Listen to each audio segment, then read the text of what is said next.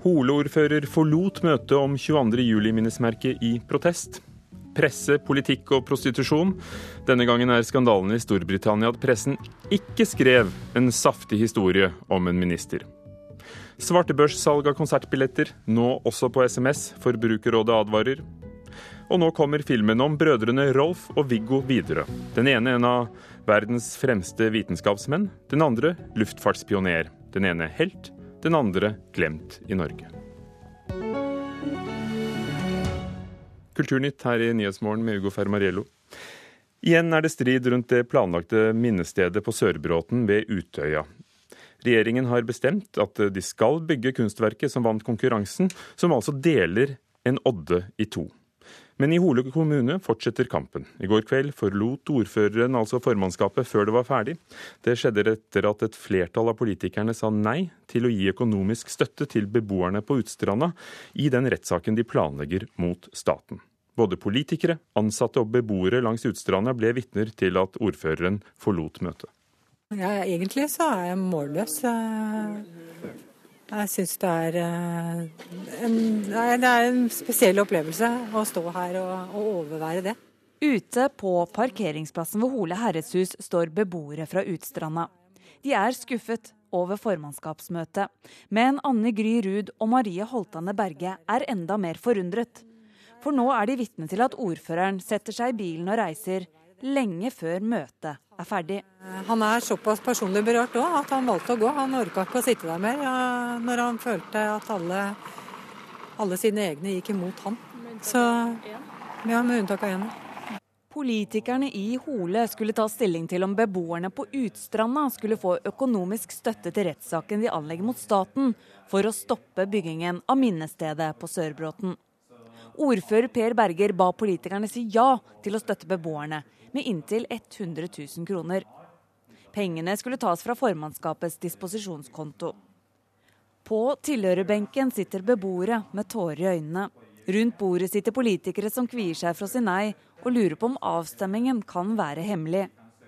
Så stemmes det, og vedtaket går imot ordførerens innstilling. Fem av ni sier nei, deriblant to av partikollegene til ordføreren i Høyre. Eh, jeg mener at Holø Hole kommune ikke er part i saken. Og uh, vi kan ikke, dessverre, støtte en velforening i en sak mot staten. Det sier Fredrik Skarstein og får støtte fra Elisabeth Klever.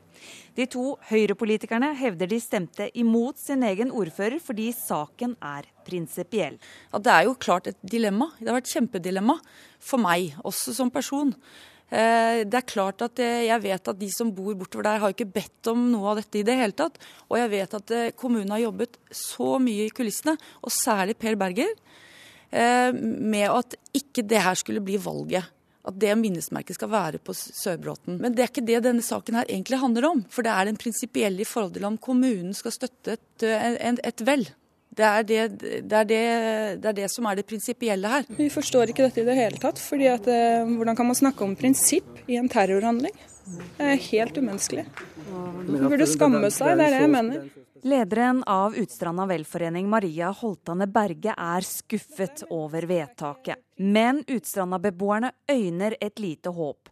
For det siste ordføreren gjorde før han gikk, var å anke vedtaket. Per Berger vil ha saken opp i kommunestyret. Eh, vi føler jo at eh, ordføreren faktisk reiste seg for oss. At han sto opp for oss. Og det har vi trengt. Men eh, vi syns det er helt forferdelig at andre folk velger å ikke støtte innbyggerne sine. Hva nå da? Påvirker dette resultatet rettssaken eventuelt? Nei, det gjør det ikke sånn sett. Vi, vi går videre. Vi vi har innsamlingsaksjoner, og vi ser at eh, vi inn, tikker inn litt penger hver dag. Og vi håper jo at det, denne urettferdigheten vi har vist i dag, viser, gjør at folk reiser seg og vippser over penger til oss eh, på Utstranda velforening. Eh, sånn at vi kan prøve denne saken rettslig. For det er den eneste muligheten vi har blitt fratatt alle andre muligheter for anke. Det sa til slutt Anne Gry Ruud i Utstranda velforening. Ordfører Per Berger ønsket ikke å snakke med NRK i går kveld. Reporter Anette Skafjell. I to år har flere britiske aviser kjent til at kulturminister John Whittingdale hadde et seks måneder langt forhold til en kvinne som viste seg å være prostituert. Men de har aldri skrevet om det før nå. Kritikere antyder at pressen har lagt lokk på saken for å unngå å få strengere reguleringer fra nettopp den samme kulturministeren. Opposisjonen mener Whittingdale ikke lenger kan være minister for mediene, men statsminister David Cameron vil uansett ikke gi ham sparken. Espen Aas, vår mann i London, hvorfor er det så Pussig at denne historien har ligget i skuffen i fire forskjellige aviser uten å havne på trykk. Enhver som har fulgt med i britiske tabloider noen gang i sitt liv, vil være overrasket å vite at uh, aviser som The Mail on Sunday, The Sun og Sunday People, i tillegg til uh, The Independent, som ikke er full så tabloid, uh, har visst om at et fremtredende medlem av det konservative partiet, som senere ble kulturminister, altså hadde forhold til en kvinne som jobbet på et bordell ved siden av å, å date denne ministeren. det har vært langt mindre Eh, overraskende historier som har stått på trykk om folks eh, privatliv. Men akkurat denne historien har altså blitt liggende i en skuff. Eh, og det har da, som du nevnte i innledningen, fått folk til å stille spørsmål. Flere spørsmål har faktisk blitt stilt den motsatte veien om avisene her faktisk har brukt dette som et pressmiddel overfor Whittingdale, slik at han ikke ikke har innført en del eh, strenge eh, pressereguleringer som mange hadde trodd han kanskje skulle gjøre. Gjøre arbeidsforholdene, særlig for tabloidaviser, litt vanskeligere i kjølvannet av alle disse avlyttingene av eh, mobiltelefoner som ble kjent i forbindelse med News of the World-skandalen. Og at de har hatt dette liggende i skuffen og har kunnet presse ham når de selv har ønsket. Men tyder noe på at denne episoden og det at de har hatt dette våpenet i skuffen, har påvirket arbeidet hans som statsråd og mediepolitiker? Noen mener det, bl.a. en eh, kampanjegruppe som heter Hacked Off, eh, hvor kjente medlemmer bl.a. er skuespilleren eh, Hugh Grant. De hadde forventet at han hadde tatt mer tak i strengere pressereguleringer da han tok jobben. Han innførte én del, men de to neste ble bare stående. Og denne gruppen Hacked Off fikk også da selskap av opposisjonspartiet Labour, som mente også dette var helt påfallende at ikke han hadde gått videre med denne jobben. Og de viste da til at han var redd for for at denne historien skulle komme ut, men eh, nå har den jo kommet ut uansett, da. Men nå er jo ikke prostitusjon ulovlig i Storbritannia, og, og denne kvinnen som han var kjæreste med, var altså en, en såkalt dominatrix, en dominerende kvinne i yrkeslivet. Men hva er det Whittingdale har gjort som skal være så, så galt? Det er jo det folk som forsvarer Whittingdale, og, og deriblant også Downing Street nummer ti, sier. OK, en singel mann har lyst til å få seg en kjæreste og får seg det. Hva så? Eh, det Whittingdale ikke ikke gjorde, var å informere Downing Street om uh, denne trusselen, om du vil, da, uh, som, som, lå der mot ham. Han hadde fått vite at noen forsøkte å selge denne historien til noen av tabloidavisene. Uh, dermed forsto han at noe var i gjære, men så ble den altså bare liggende der. Men til tross for at han ikke informerte statsministerens kontor, så har han altså fått full støtte. Og mange er nok fortsatt overrasket over at en historie som ganske raskt kunne la seg illustrere på mange måter, Eh, bare eh, ble liggende, eh, og først kom til lys idet noen begynte å stille spørsmål ved integriteten til kulturministeren, og om han faktisk har gjort jobben sin som medieminister. Men du Espen Aas, kan det være at britisk presse faktisk har tatt seg sammen og tenkt at dette har ikke offentlighetens interesse? Det sier jo pressen selv, at de vurderte denne saken da de ble tilbudt den. Og så konkluderte de med at Nei, vet du hva. Eh, at han har forsøkt eh, å, å, finne en kvinne gjennom et eh, nettsted, det er en privatsak. Det er en sak som ikke finnes i offentlighetens interesse. Men som jeg sa til å begynne med, det er jammen meg mange andre saker som involverer kjente personer, som i så fall har nådd opp til tabloidenes forsider. Takk. Espen Aas, korrespondent i London.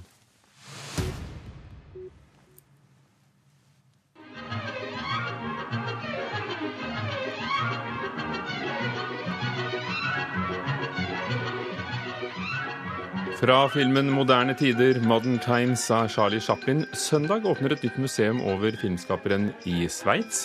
På en stor eiendom utenfor eh, Lausanne. Det var der Chaplin tilbrakte sine siste 25 år. Erin Venno Sivertsen, reporter. Hva blir det for et sted?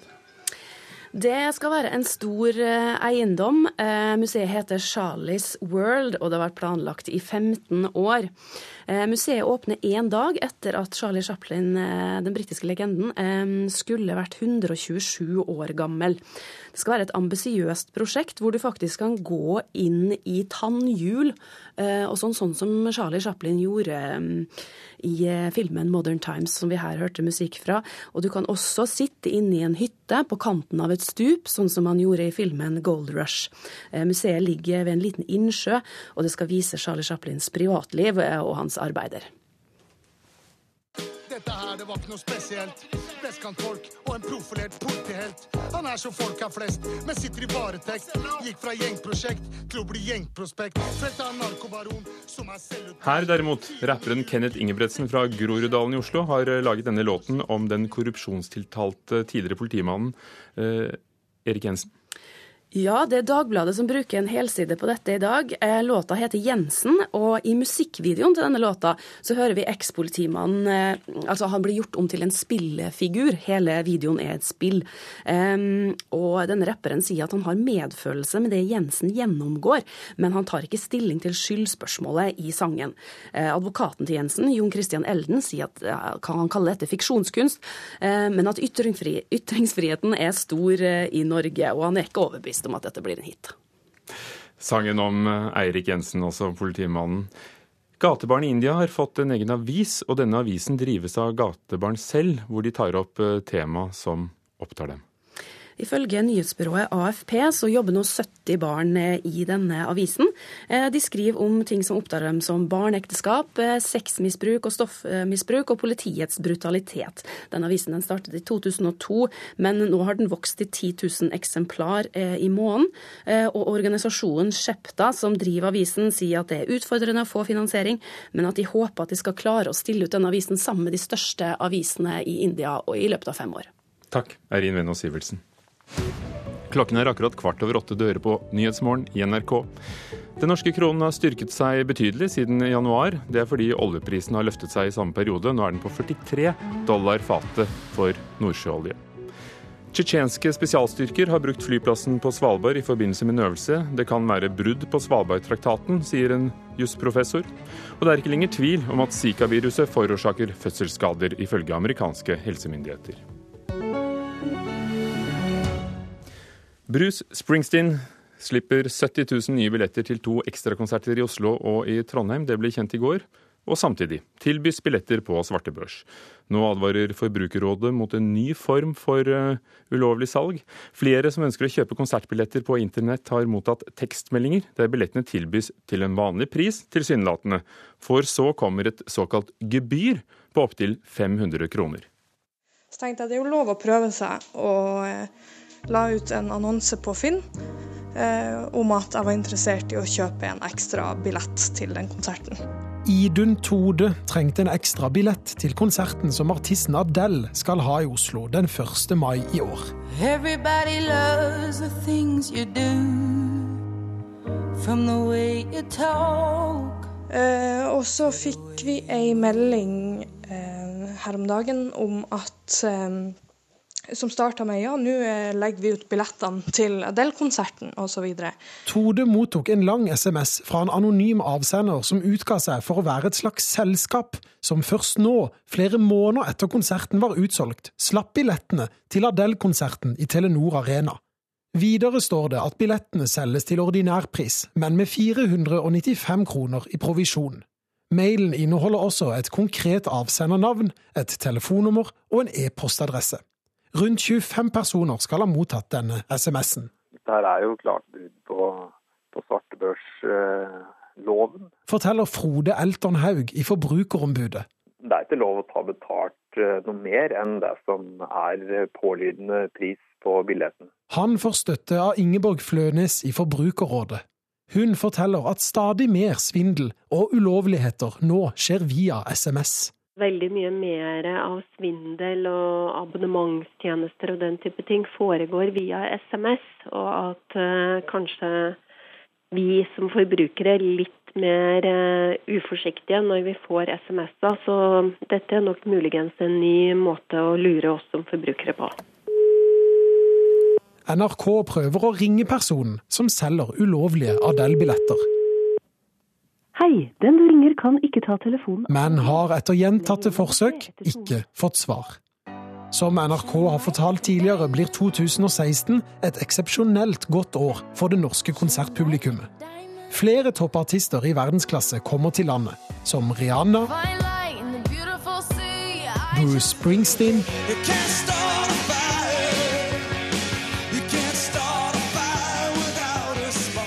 og nevnte Adele.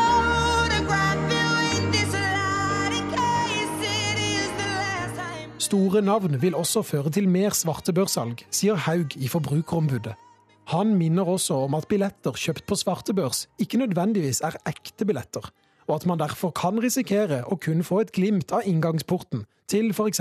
Telenor Arena. I tillegg til å betale overpris, så vil du da bli nektet eh, inngang.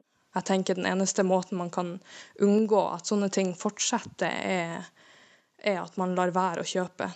Det er jo selvfølgelig lett for meg å si som allerede har noen billetter. Sa Idun Tode til vår reporter Christian Ingebretsen.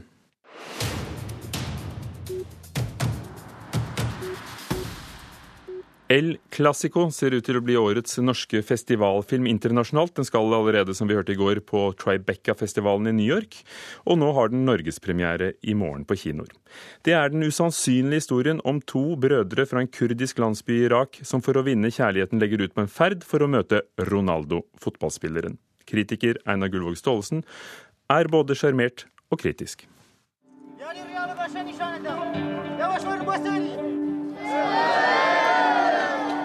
Det er mye fint i El Clásico. Menneskene er sjarmerende. Den folkelige tilstanden i småbyen er sett fra storsamfunnets ståsted, men la oss si det er godkjent. Samfunnet er passe karikert. Tonen i filmatiseringen er fin. Vi er irakisk Kurdistan. De to hovedpersonene er dverger, kortvokste. Filmen bruker begge betegnelsene. De er brødre, de er veldig glad i hverandre. Vi ser ikke en så uttalt broderkjærlighet ellers. Det er et i overkant forførende element. Før var vi glade for å se dverger som klovner i sirkus. De sjarmerer oss i denne settingen også. Spillestilen er litt klovnete. Saken er den eldste kortvokste mannen har giftet seg med en vakker kortvokst kvinne. De har det fint. Den yngre broren vil gifte seg med en vakker, høyvokst kvinne. De har sett varmt på hverandre i fire år minst. De har snakket ut om saken. De er enige. Men pappaen hennes er ikke det.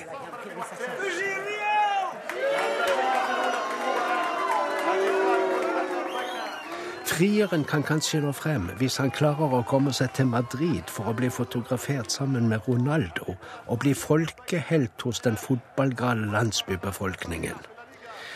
Det er med det formålet han nå satser sitt liv og brorens liv og alt han har av gleder og oppspart kapital. Det er litt søtt. Men sjarmen bygger på naivitet. Virkeligheten er blitt eventyr. Filmen er litt for enkel. Den problematiserer i milde former at det er pappa som har siste ord når datteren velger ektemann. Han bestemmer hvem det ikke skal bli. Han som har spart hele livet for å kunne tilby sin tilkommende et vakkert hus, blir robbet og blakket i løpet av ei uke og må selge nyren sin for å kunne gjennomføre planen om å møte Ronaldo i Madrid. Og i filmen blir han lykkelig av det også. Mennesker som profitterer på passforfalskning og illegale visautstedelser til ruinerende priser, er nyttige folk og de er snille. Krigen er holdt utenfor bildekanten. Den passer ikke inn. Alle grensekontrollene de må gjennom på sin firehjuls motorsykkel, er bare ekstra spenningsmoment. Det er feel good, nesten alt det dramatiske vi ser.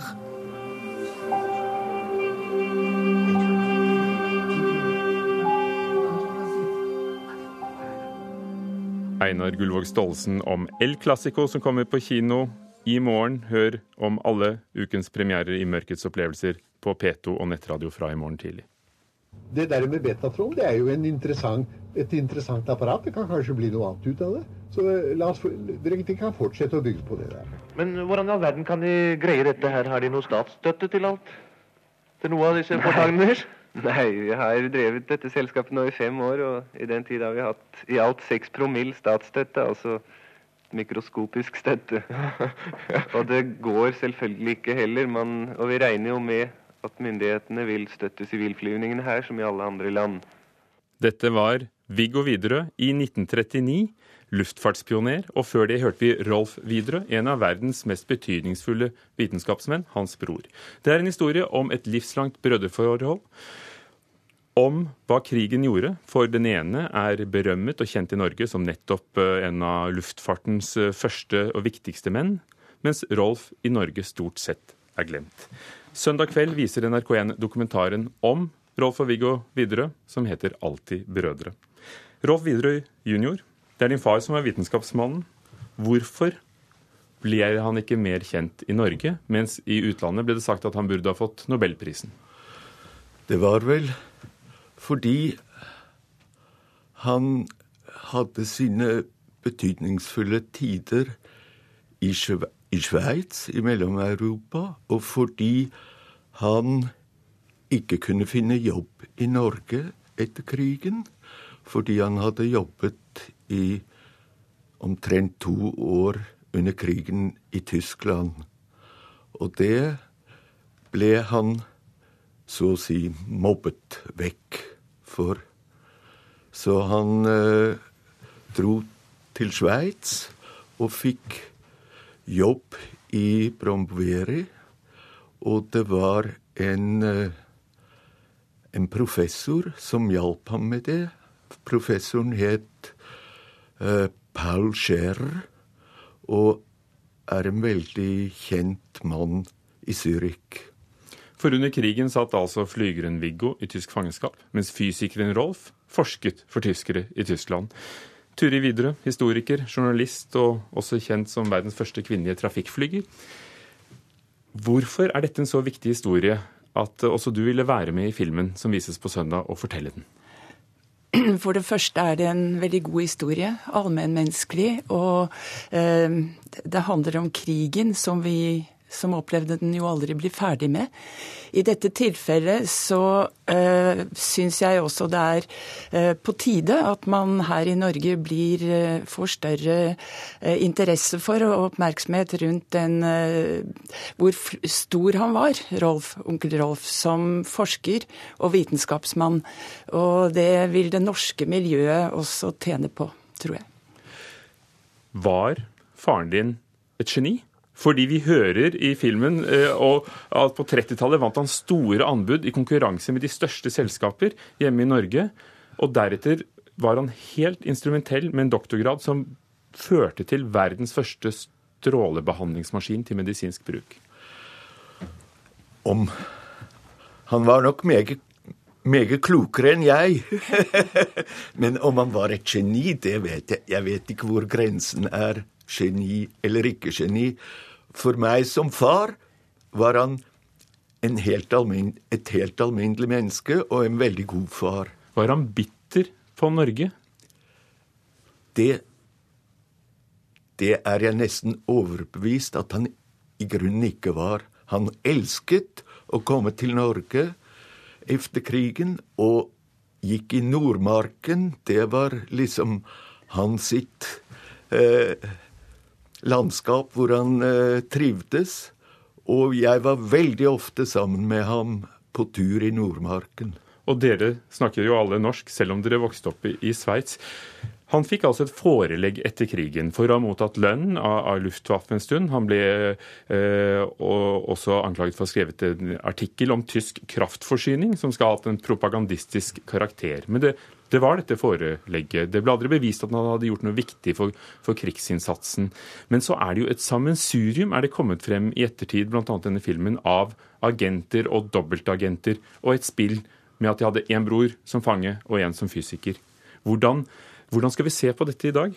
Eh, jeg tror nok at Rolf var veldig lite politisk i det hele tatt. At han kun tenkte på forskningen sin. Men det er eh, en, eh, også en av grunnene til at han dro til Tyskland, var at han nok trodde han kunne hjelpe far i fangenskapet. Far satt i flere tyske fengsler under umenneskelige forhold, og holdt nok også på å stryke med flere ganger. Han var alvorlig syk. Han veiet bare noen og 40 kilo, og han var en svær kraftkar, altså da han ble satt inn.